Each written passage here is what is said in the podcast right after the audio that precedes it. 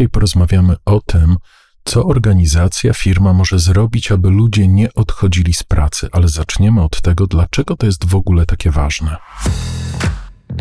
Dzień dobry, witam Cię na kanale Człowiek w Biznesie. Człowiek w Biznesie to podcast o tym, jak mądrze sprzedawać, czyli jak sprzedawać dużo, jak sprzedawać drogo, ale przede wszystkim jak stale budować rosnącą grupę ambasadorów Twojej marki. To jest też podcast o tym, jak mądrze zarządzać, czyli co robić, żeby ludzie, żeby zespoły realizowały z zaangażowaniem cele.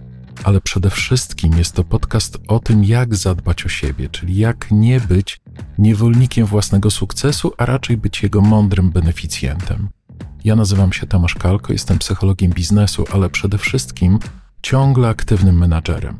Zapraszam Cię na następny podcast z serii Człowiek w biznesie.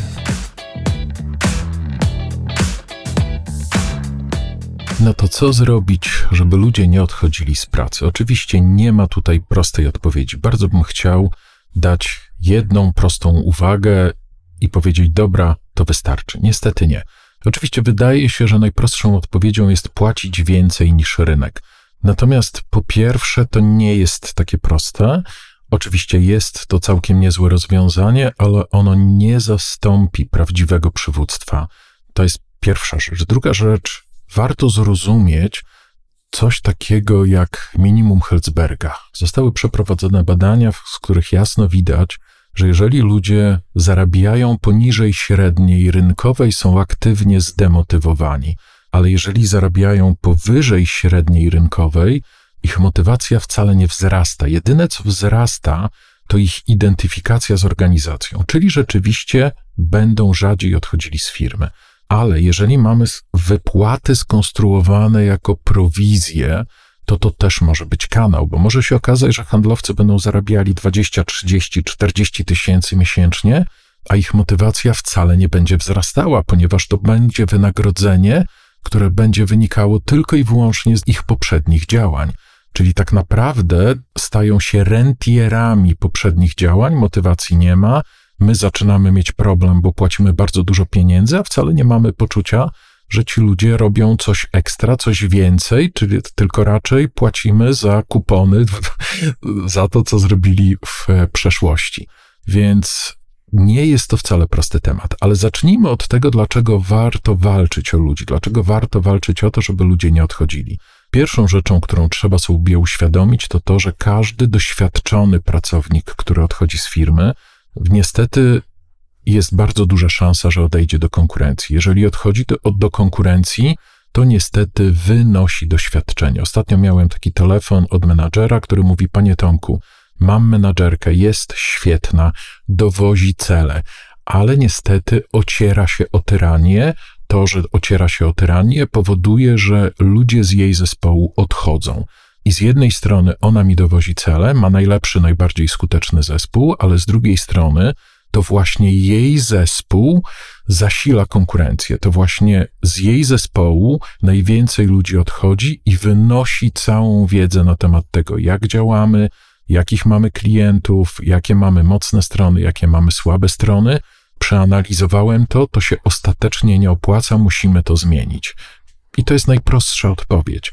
Warto walczyć o to, żeby ludzie nie odchodzili, ponieważ każdy człowiek, który odchodzi z firmy, to jest wiedza, która przechodzi do konkurencji i to powoduje, że ta konkurencja staje się lepsza, mądrzejsza, czyli mówiąc najprościej, dajemy dla konkurencji narzędzie do konkurowania z nami. No więc teraz co zrobić, żeby ludzie nie odchodzili?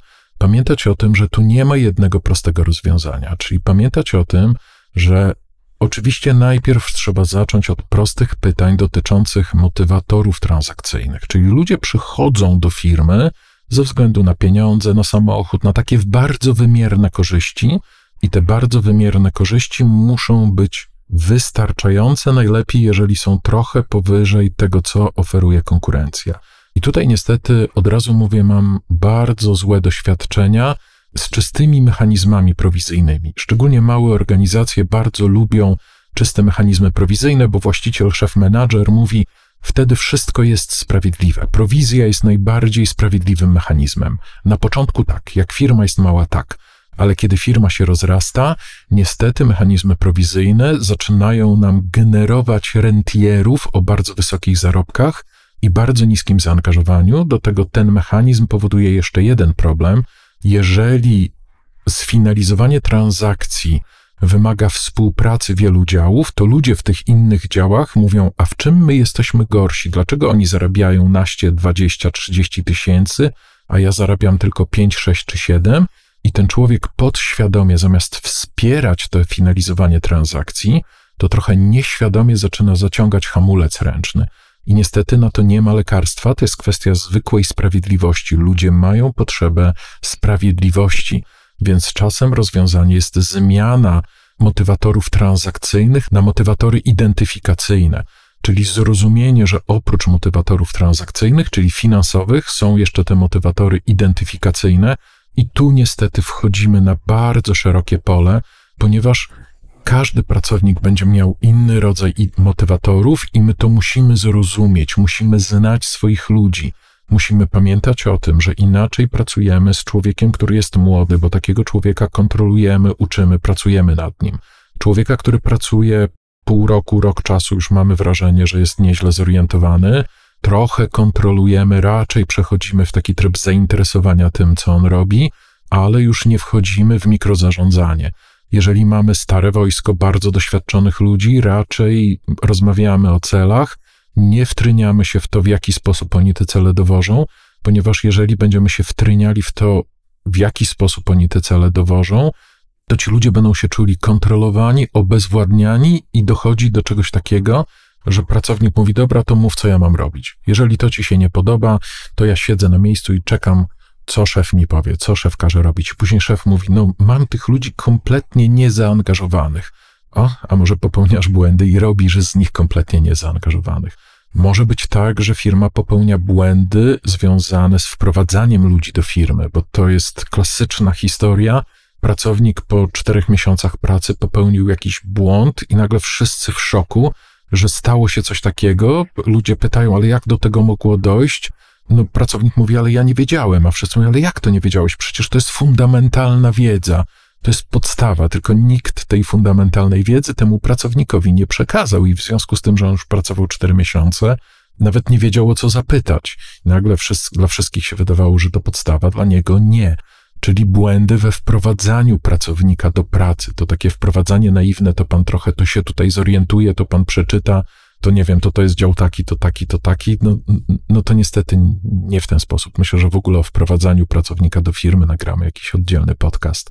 Także może jakieś błędy w rekrutacji na poziomie wprowadzania osoby do firmy. Znowu, no właśnie, może jakieś błędy w rekrutacji, ale jeżeli błąd w rekrutacji, to wtedy on najczęściej wyłazi po dwóch, trzech miesiącach, a to też jest ważny element. Oczywiście może się okazać, że człowiek rozwinie skrzydła po roku pracy w organizacji, ale najczęściej nie przypadkiem jednak te trzy miesiące to jest okres, po których widać, czy osoba pasuje do firmy, czy nie. I po tych trzech miesiącach trzeba mieć odwagę powiedzieć: Dobra, popełniliśmy błąd rekrutacyjny.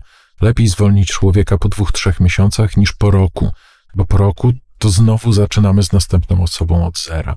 Do tego dochodzi ta świadomość, że ludzie rozwijają się, czyli najpierw dla nich są ważne wszystkie elementy takie podstawowe, finanse, czyli zabezpieczenie rodziny. Później te wszystkie rzeczy relacyjne, atmosfera, ta świadomość, że jestem w ważnym miejscu. Później, jak to na tej piramidzie Maslowa, zaczynają być ważne motywatory rozwojowe, czyli samorealizacja i trzeba nadążać za człowiekiem. Trzeba też oczywiście nadążać za rynkiem, bo znam menedżerów, którzy na jakimś etapie płacą niezłe pieniądze, ale nie zauważają tego, że rynek idzie do przodu i na przykład przez cztery lata albo nie podnosili wynagrodzenia, bo cały czas byli święcie przekonani, że płacą dużo, albo podnosili tylko o poziom inflacji, czyli jakieś tam 3-5%. No teraz ta inflacja jest większa. Więc y, może się okazać, że w tym czasie rynek się zmienił i my tego nie zauważamy. Jeżeli chcemy wiedzieć, dlaczego ludzie odchodzą, to to jest bardzo ważna uwaga. Ludzie, jak przychodzą z informacją, coś jest nie tak, przychodzą z informacją, dostałem ofertę od konkurencji, przychodzą czasem z tą już drastyczną informacją, odchodzę. To jest bardzo ważny moment, w którym nie wolno za szybko przejść do konkretów, w którym trzeba uzbroić się w cierpliwość, i powiedzieć: To wiesz co, zacznijmy od tego, co jest nie tak. I uwaga, ludzie najczęściej nie mają łatwości powiedzenia prosto w oczy, czuję się niezauważany, niedoceniony. Nie wiem, z każdej strony przychodzi mi informacja, że rynek jest lepszy, że rynek płaci więcej. Najczęściej ludzie, jak przychodzą do szefa i dają informację zwrotną, to ona jest niestety brudna, zawoalowana albo w ogóle nierzeczywista. Czyli ludzie przychodzą do szefa i mówią: Szefie, odchodzę, bo nie wiem, mam daleko do pracy, bo żona mi coś tam, coś tam. Czyli to są takie informacje po to, żeby nie powiedzieć konkretnie o co chodzi.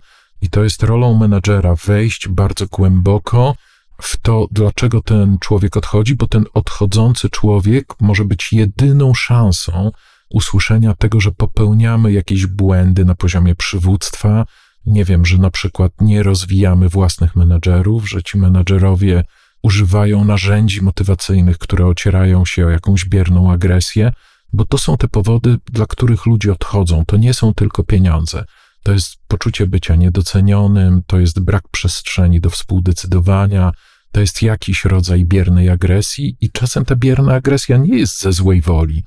Ona wynika z zaangażowania menadżera, z tego rozumienia, że taka jest właśnie moja rola, że ja dlatego jestem menadżerem, że ja tych ludzi muszę cały czas sprawdzać, coachować, mobilizować, ale jeżeli mam doświadczoną ekipę, to nie. To może się okazać, że to są najgorsze możliwe narzędzia. Więc oczywiście ludzie mogą odchodzić z bardzo wielu powodów, ale warto je sobie pogrupować.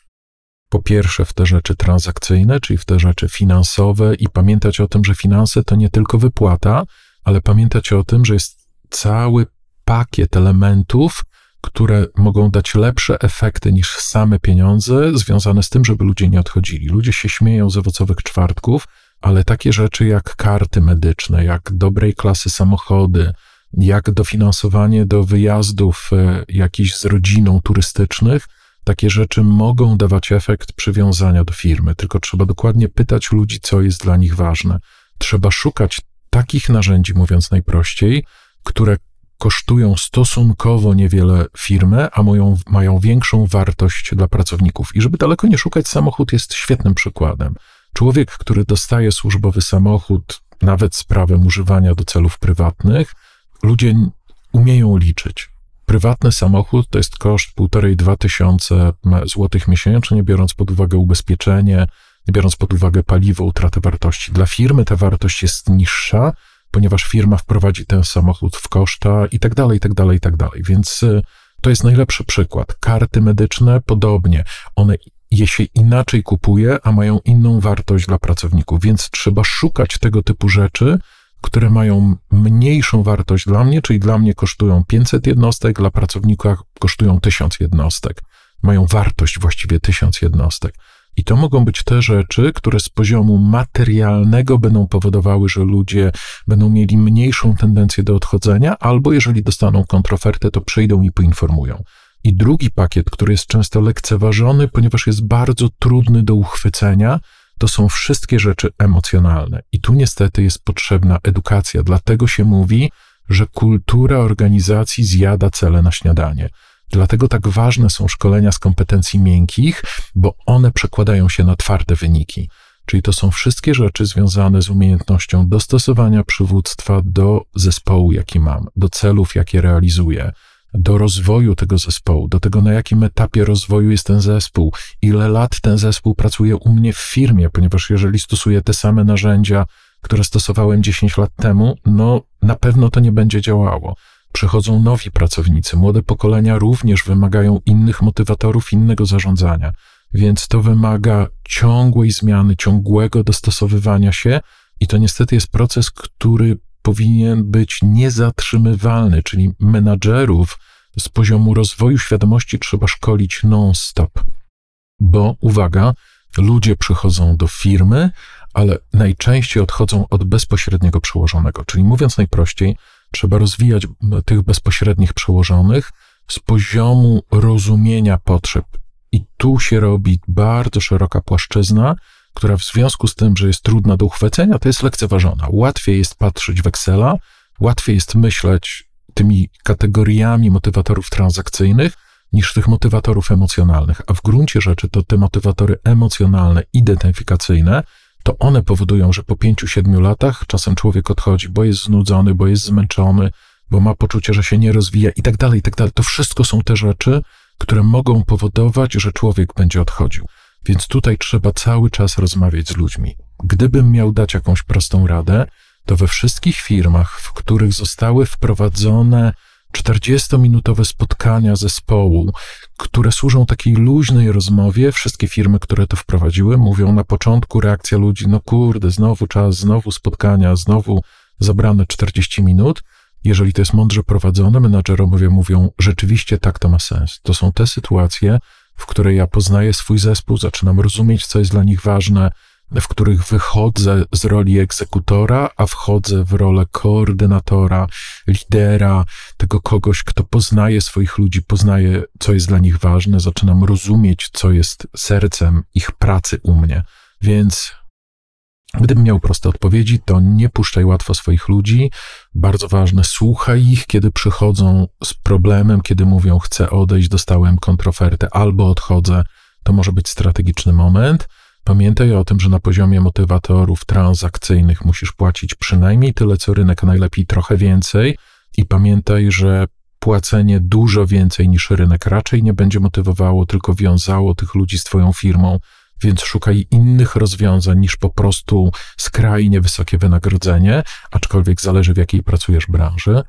I ta najtrudniejsza uwaga, czyli taka najszersza, najbardziej intuicyjna, zahaczająca o bardzo wiele płaszczyzn, to pamiętaj o tym, że po jakimś czasie przewagę nad e, motywatorami transakcyjnymi wezmą te motywatory emocjonalne, identyfikacyjne i o nich nie wolno zapomnieć. nie ukrywam, że jak słyszę te teksty menadżerów, e, wizje, misje, halucynacje, czyli te takie teksty, które mówią, to wszystko taka filozofia, to, przepraszam, ale powiem, to mi się flaki przewracają, ponieważ to, to są właśnie te rzeczy, które powodują, że ludzie zostają w firmie, że ludzie mają poczucie, że robią coś ważnego, że mają poczucie sensu.